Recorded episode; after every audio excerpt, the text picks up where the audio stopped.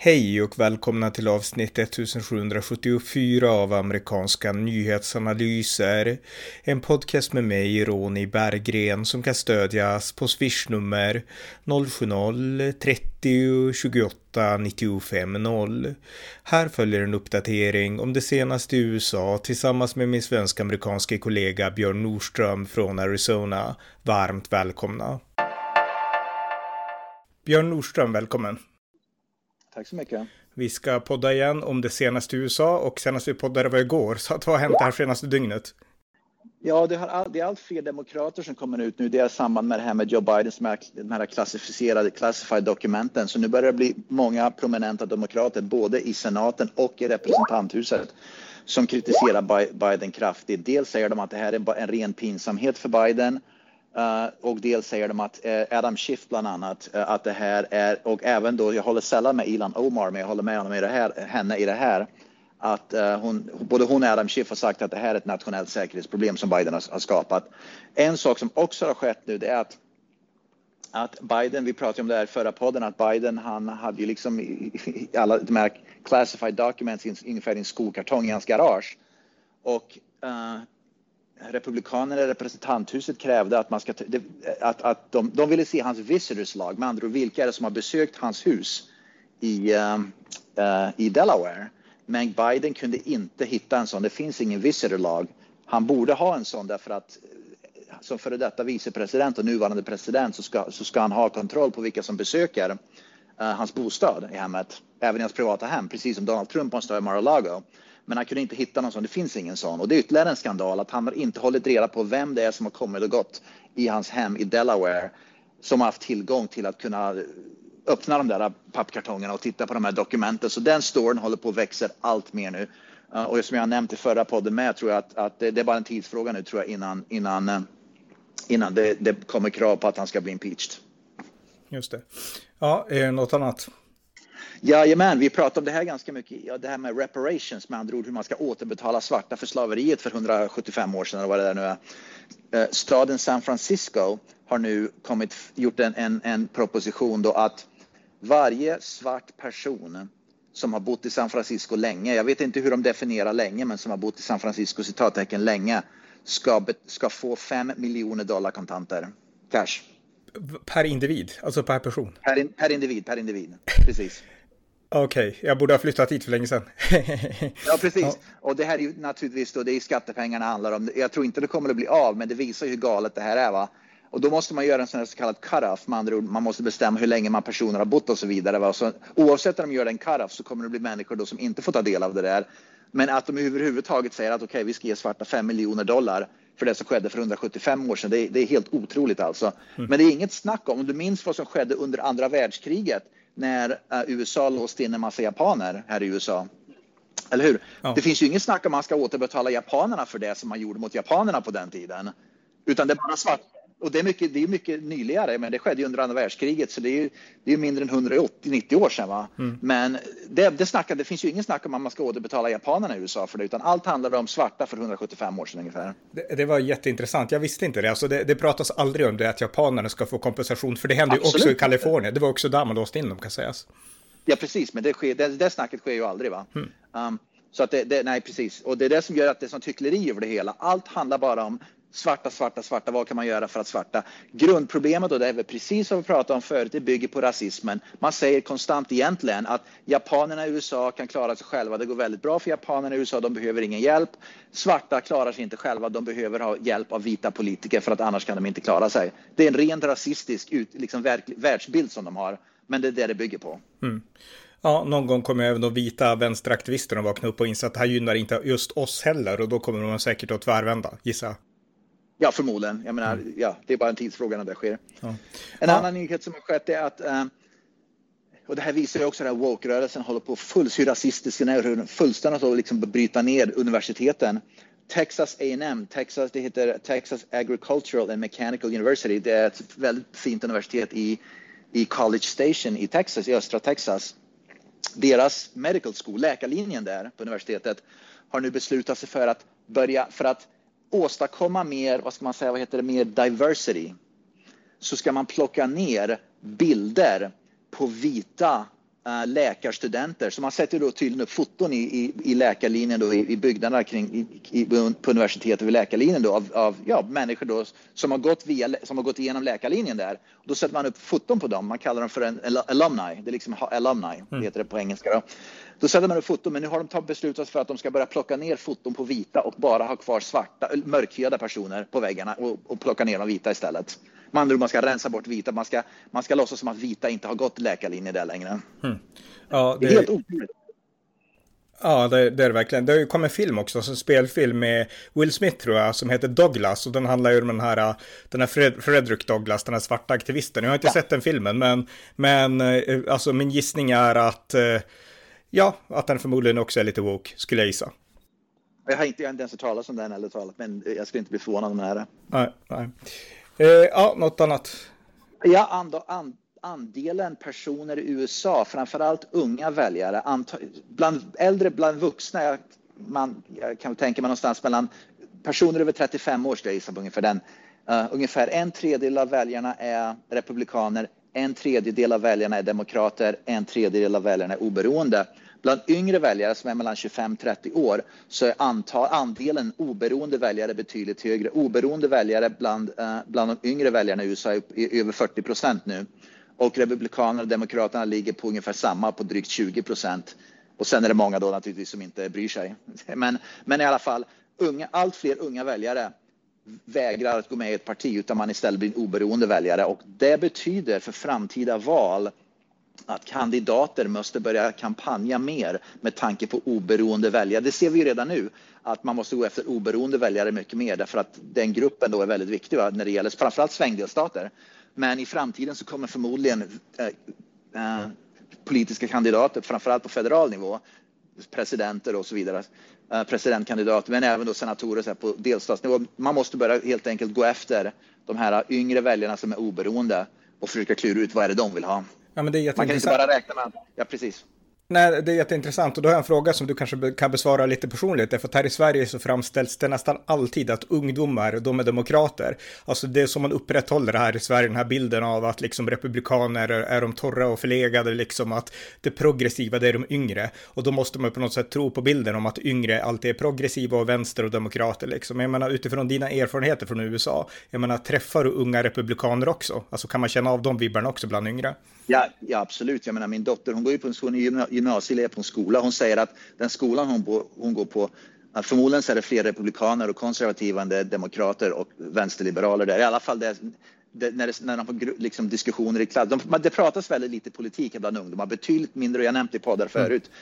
I Arizona, i skolorna här, så snackas det mycket mindre politik än vad det gjorde i Vermont. Politiken i Vermont har mycket mer prominent plats i skolor bland både elever och lärare än det har här. Men i alla fall min dotter säger att liksom, det är många här som är, som är republikaner och konservativa och även Trump-anhängare. Så allt beror lite grann på vilken delstat man är i. Mm. Men, men det, det, är intressant här då, att den bilden kommer aldrig fram i Sverige, utan här, om man ser en ungdom, då är det en demokrat. För de, de är ofta så när de intervjuar också, en ung person, du är demokrat liksom. Så att, ja. Och statistiskt är det helt felaktigt som jag nämnde. Jag, en, en undersökning som kom ut, och det var det jag baserade de här siffrorna på, som kom ut alldeles bara för några dagar sedan, som säger då att 42 procent av yngre väljare är, är oberoende säger också att 21 procent är republikaner, 21 procent är demokrater. Med andra ord, demokraterna och republikanerna bland unga lika stora. Den gruppen som har växt mest, växt mest det, är, det är oberoende. Med andra ord, både republikaner och demokrater slutar bli republikaner och demokrater utan de blir oberoende istället. Mm. Men så att, så att den bilden som Sverige målar upp är helt felaktig. Men det, så är det ofta i Sverige, man målar upp en helt felaktig bild över verkligheten. Ja, ja vi fortsätter. Något mer? Jajamän. USA Today, en, en prominent tidning här i USA, då, uh, har just varnat för, vi nämnde ju för ett tag sedan att uh, var det, var det uh, Stanford universitet eller vad det nu var som sa att man får inte börja, det var vissa ord man inte ska få använda längre. USA Today har gått ut och sagt att man ska inte längre, säg till exempel att du är vit, då ska du inte längre kunna, då, ska du, då borde du inte längre säga aloha, vilket är liksom, om du är på Hawaii, där Hawaii-språk, jag vet inte vad det heter riktigt, aloha betyder hej ungefär. Uh, Ola är ju då hej på spanska och mm. shalom det är då, det är då uh, hebreiska tror jag. Fri, frid, ord, ja, sak samma, fortsätt. fortsätt. Mm. Man ska inte, man ska inte, man, det, det, det är kränkande att om man inte är med i den kulturella gruppen eller språkgruppen ska man inte längre använda främmande språk. Som andra ord, du ska inte lära dig spanska längre därför att då kränker du spanjor, spansktalande människor. Det är, frukt, det är helt otroligt alltså. Man säger att är du vit så ska du bara få prata engelska. Om du är spansk, om du liksom är hispanic ska du bara prata spanska. Om du är svensk ska du bara prata svenska ungefär. Om du är arab ska du bara, man, får inte, man ska inte lära sig andra språk för det är kränkande mot andra, andra, andra grupper. Ja, ja, vansinnigt. Ja, fortsätt. Ja, vi har nämnt det här förut och det är återigen i Kalifornien, San Diego det här tillfället. Det finns en väldigt känd basket, före detta basketspelare, han är då, han är väl kanske 70 år nu, men han är väldigt känd, heter Bill Walton. Han bor i San Diego, han var före, före detta basketstjärna i USA i NBA för många år sedan i alla fall. Han, väl, han är ganska frispråkig nu angående hemlösheten. Han bor i San Diego och han blev överfallen. Han var ute och cyklade nyligen, för något år sedan tror jag det var. Han var ute och cyklade i alla fall och han blev överfallen av, av uteliggaren Bokstavligen överfallen och neddunkad och sådär bokstavligen han var ute och cyklade. Han i alla fall har skrivit en stor eh, en op-ed nu tillsammans med någon annan person då där han just tar upp det här med att vi måste göra någonting åt, med andra ord, han, går emot, han vågar prata om att hem, hemlösheten har gått för långt. Vi måste börja göra någonting åt det här. Vi måste börja, vad ska man säga, ta bort hemlösa, förflytta dem från Eh, från parker och offentliga platser och försöka hitta en annan lösning därför att människor kan ju för tusan inte vara ute i San Diego längre på gator och torg på offentliga platser eller i parker eller så vidare utan att, utan att trampa i människoskit eller att, liksom, att, att liksom man måste helt enkelt, det är farthinder man måste promenera över för de ligger och sover och använder droger precis överallt. Så att han har liksom, vågar nu prata, säga emot, liksom, säga, säga öppet att det här är ett jäkla stort problem. Någonting måste göras i Kalifornien. Där han då nämner just att, att San Diego och Kalifornien, de har liksom tappat total kontroll på hemlösheten. Ja, jag såg en, jag tror jag nämnt det förut, men jag så, såg en sån här film med Sylvester Stallone där de pratade om uteliggare och så sa de bums, liksom. Jag vet inte om man säger ja, så fortfarande. Jag tror vi har pratat om det förut, men man, man, säger så fortfarande, okej. Okay. Yeah. men, men, men poäng... Okej, okay, man kan säga yeah. så ändå. För min tanke är yeah. att om man inte kan använda sådana här ord som man ändå kan tolka som lite nedlåtande, då är det så att man accepterar att okej, okay, det här är deras val, det är helt okej, okay, liksom. Att man inte ser det moraliska förfallet i deras situation. Och ser man inte det, då finns det inga incitament att förändra något politiskt heller. Så jag menar, man måste kunna liksom tala om den här gruppen som en problematisk grupp. Antingen att det är synd om dem eller att de ställer till problemen. Man kan liksom inte hålla det helt woke-neutralt, liksom, tycker jag, när man pratar om sånt här. Precis, jag har en ganska intressant inside information-grej nu så, som jag kan berätta här nu uh, om det här. Så att jag har Super Bowl, som många säkert i Sverige kommer känna till, går ju här i, i Phoenix nu i, uh, om en månad ungefär. Tre veckor. Mm. Eller fyra, i början, mitten av februari i alla fall. Och jag, är, jag, har, jag, jag har eh, anmält mig som volontärarbetare för att ideellt arbete för att hjälpa till, för de behöver väldigt många liksom, ideell, ideellt volontärarbetare här. Och en del av den volontärarbetningen var att jag var tvungen att gå på en träning för det där, så jag var där i, vad var det, söndags? Igår, var det i förrgår? Lördags? I lördags var jag där för att bli, liksom, man måste gå igenom training och allt sånt där. En grej som de pratar väldigt mycket om eftersom hela världen, kom, liksom, ögon kommer att riktas då här mot Phoenix då i sommar, jag i, i februari på grund av Super Bowl är problemet att det är så jäkla, det är allt fler uteliggare i Phoenix. Så de försökte på ett väldigt diplomatiskt sätt förklara att vi kan inte ha en massa uteliggare på gator och torg nu därför att det är så många journalister och det är så många, vad ska man säga, resenärer och turister som kommer att komma hit. Och om de ser alla uteliggarna som ligger här runt omkring i Phoenix, då kommer det att ge, ge dålig liksom reklam för staden. Va?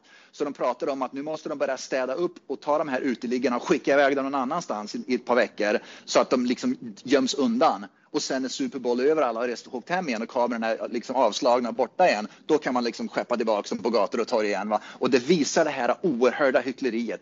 Och det, det kommer från politiskt håll alltså, att politikerna vill, uteliggare är bra, eller liksom, det är helt okej, okay, så länge inte kameran riktas, så länge det inte är Super Bowl här. Men när Super Bowl här, det är en stor event här, då ska de bort. Då måste vi sopa bort dem och sen får de komma tillbaka igen. Va? Mm. Ja, hycklande, vilket medborgarförakt. Jag menar vanliga amerikaner som du och alla andra, men ni kan inte tycka att det är trevligt heller. Men då liksom, när det kommer gäster utifrån, då ska man sopa undan det, sen får vanligt folk leva med det sen. Precis, och du gör den poängen och det, var, det, det knyter tillbaka till det som Bill Walton sa ungefär. När jag åker in till Phoenix, man ser ut, eller jag åker till jobbet, jag ser ut, jag skickar bilder till dig någon gång då och då när jag ser uteliggare som ligger på vägen till jobbet bokstavligen. Va?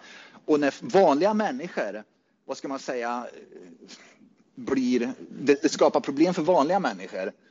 Det struntar politikerna i. Men bara för att Super Bowl kommer hit och det är massa tv-kameror och grejer, då helt plötsligt ska man städa upp det där och göra liksom rent och snyggt och göra tågen rena och sånt där och sen se till att det inte, att det, att det inte är några drog, liksom drogmissbrukare som sitter på tåglinjerna här och så vidare och bussarna. Va? Men sen så fort kamerorna stängs av, ja då, helt, då kan, får, man, får man sitta och liksom injicera droger igen på bussarna och tågen. Men du, alltså förr i världen, jag menar att, att USA har haft problem med droger och hemlöshet och så, det är ju allmänt känt, så har det alltid varit. Men ja, var det lika utspritt förut som det är nu, alltså överallt, eller var det bara vissa kvarter, alltså när du, 80-talet, 90-talet liksom? Nu är det mycket mer. Uh, jag, här är, jag kan ju, både i Kalifornien och här i Phoenix så har det under det senaste året eller två har det blivit mycket, mycket mer beroende på, mycket beror ju på den inflationen som har skett. Huspriserna, ren, äh, inte ren, vad heter det, äh, äh, man vet, hyrorna. Mm. Hyrorna går upp dramatiskt. Huspriser har gått upp dramatiskt, det har blivit mycket dyrare att bo, inflationen är hög. Som andra ord, allt fler människor har, har inte råd att bo i hus längre, hem längre. Det finns inga hem längre. Och sen så är det ett bostadsbrist till råga på det. Va? Och då hamnar man på gatan. Va? Så att grundproblemet är liksom bostadsbrist och hyrorna som ökat dramatiskt. Jag kan ge ett exempel bara här i Phoenixområdet till exempel. Över de, hyrorna har gått upp med säkert 40-50 procent de senaste tre åren. Eh, huspriserna har, gått upp, har nästan dubblats över de senaste fem åren. Och det gör ju det att många som har bott här de hamnar på gatan för de har inte längre råd att bo och då, då liksom blir det ju så här. Va? Så det har ökat dramatiskt eh, i, överallt i USA. Framförallt de senaste två, tre åren. Pandemin skapar väldigt många nya problem. Just det, men, men det jag tänker det är att förr kanske man kunde liksom säga att här får ni inte vara, här på liksom, ja, liksom Times Square eller vart som helst, liksom, här får ni inte vara, liksom, alltså, medan man kanske inte gör så längre.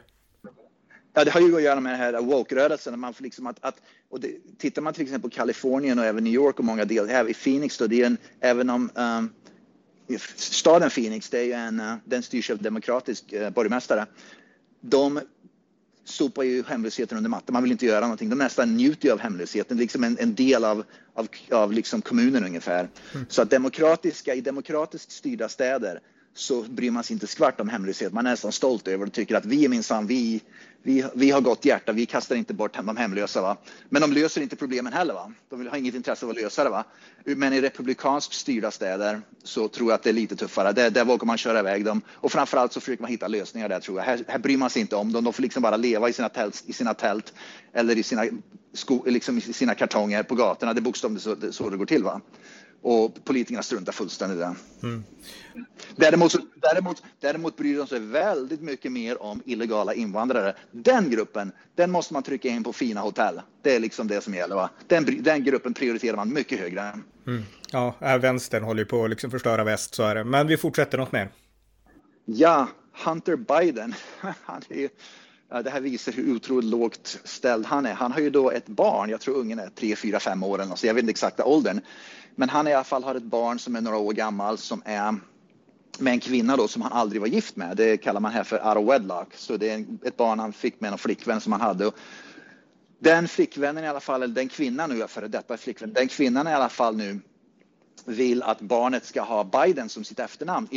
det normala i USA, jag vet inte riktigt hur det är i Sverige, men det normala i USA är att när barn föds så tar den till 99 procent sannolikhet pappans efternamn.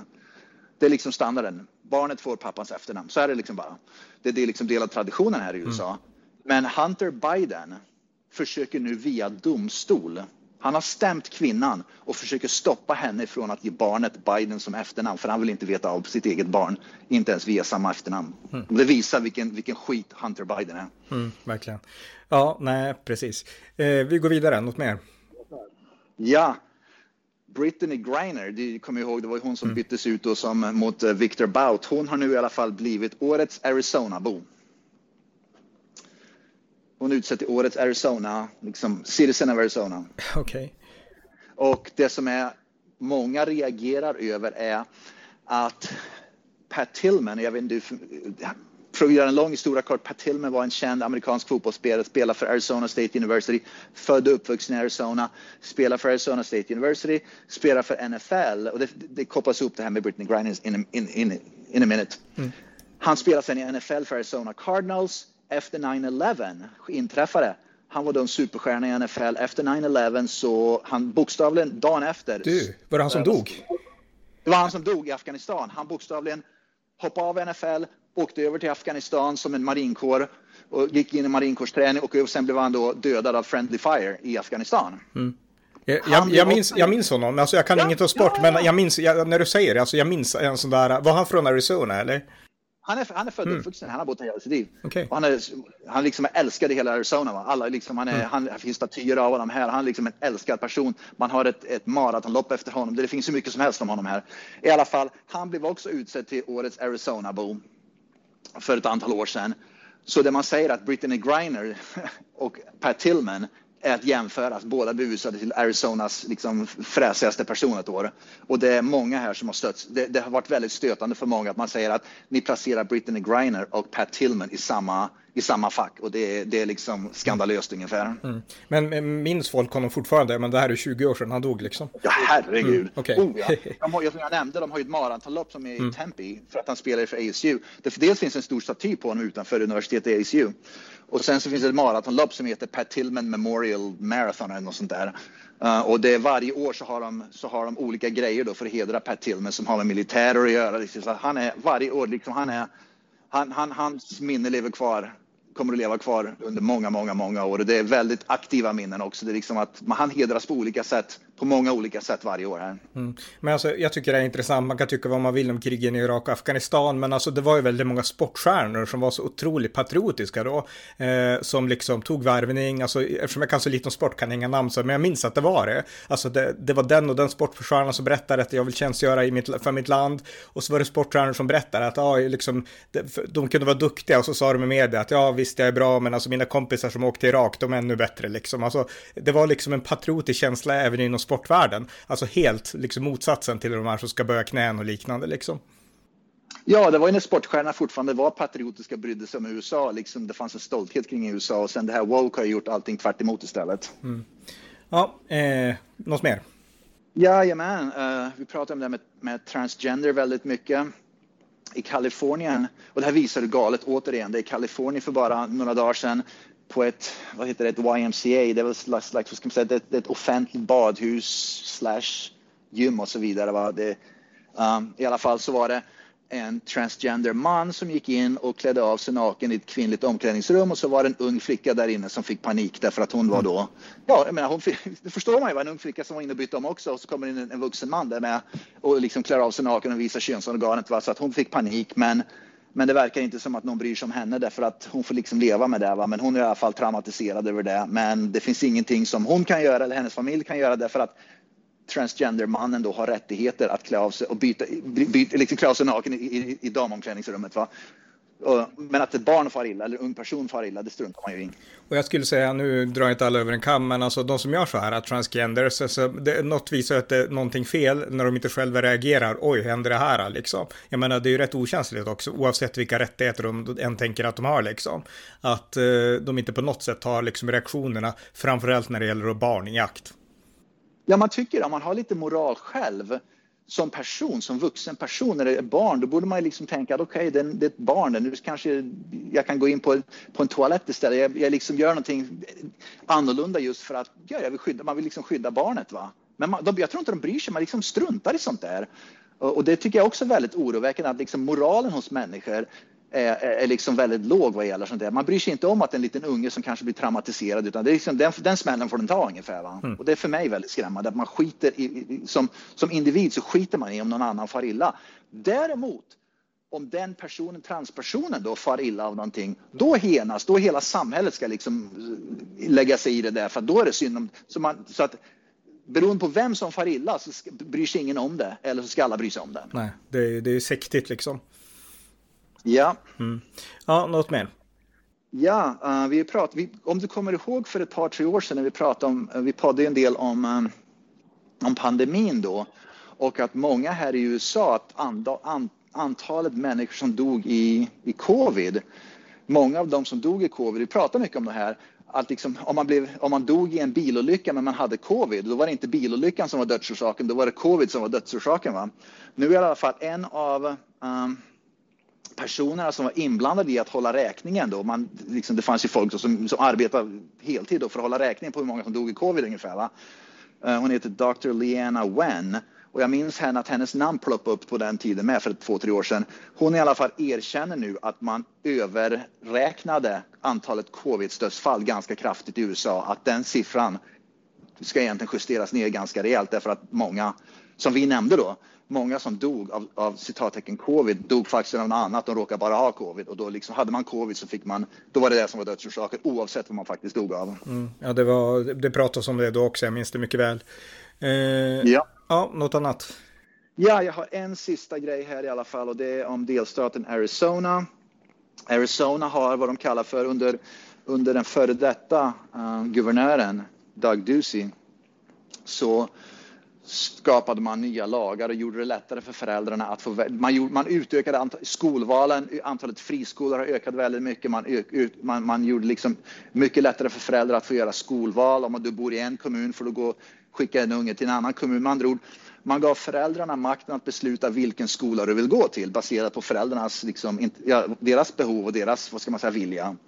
Katie Hubbs har i alla fall gått ut och sagt nu att hon vill inskränka skolvalen. Med andra ord, att man inte längre ska få ta skattepengar att skicka barnet från en skola till en annan utan man liksom vill försöka hålla kvar barnet i den skolan då som, som kommunen, inom kommunen då. Och det påminner ganska mycket om Socialdemokraterna det där också, va? att man vill ta bort makten från föräldrarna att välja skolan åt sin barn, utan det är, det, det är då politikerna som ska välja vilken skola ditt barn ska gå i, oavsett vad föräldrarna vill. Mm. Och det, det, det, det, det, är en, det är en klar skillnad mellan Republikanerna här i Arizona och Demokraterna i Arizona. Republikanerna vill ge föräldrarna makten att besluta vad som, vad som är bäst för dina barn. Demokraterna vill bestämma som politiker för de anser att de vet vad som är bäst för ditt barn vad gäller skolval till exempel i det här fallet. Just det. Ja, men okej, tack så mycket. Tack så mycket. Tack för att ni har lyssnat på amerikanska nyhetsanalyser, det konservativa alternativet för amerikansk nyhetsrapportering på svenska. Podden kan stödjas på swishnummer 070-30 28 95 0 eller via hemsidan på Paypal, Patreon eller bankkonto. Skänk också gärna en gåva till valfri Ukraina-hjälp. Allt gott tills nästa gång.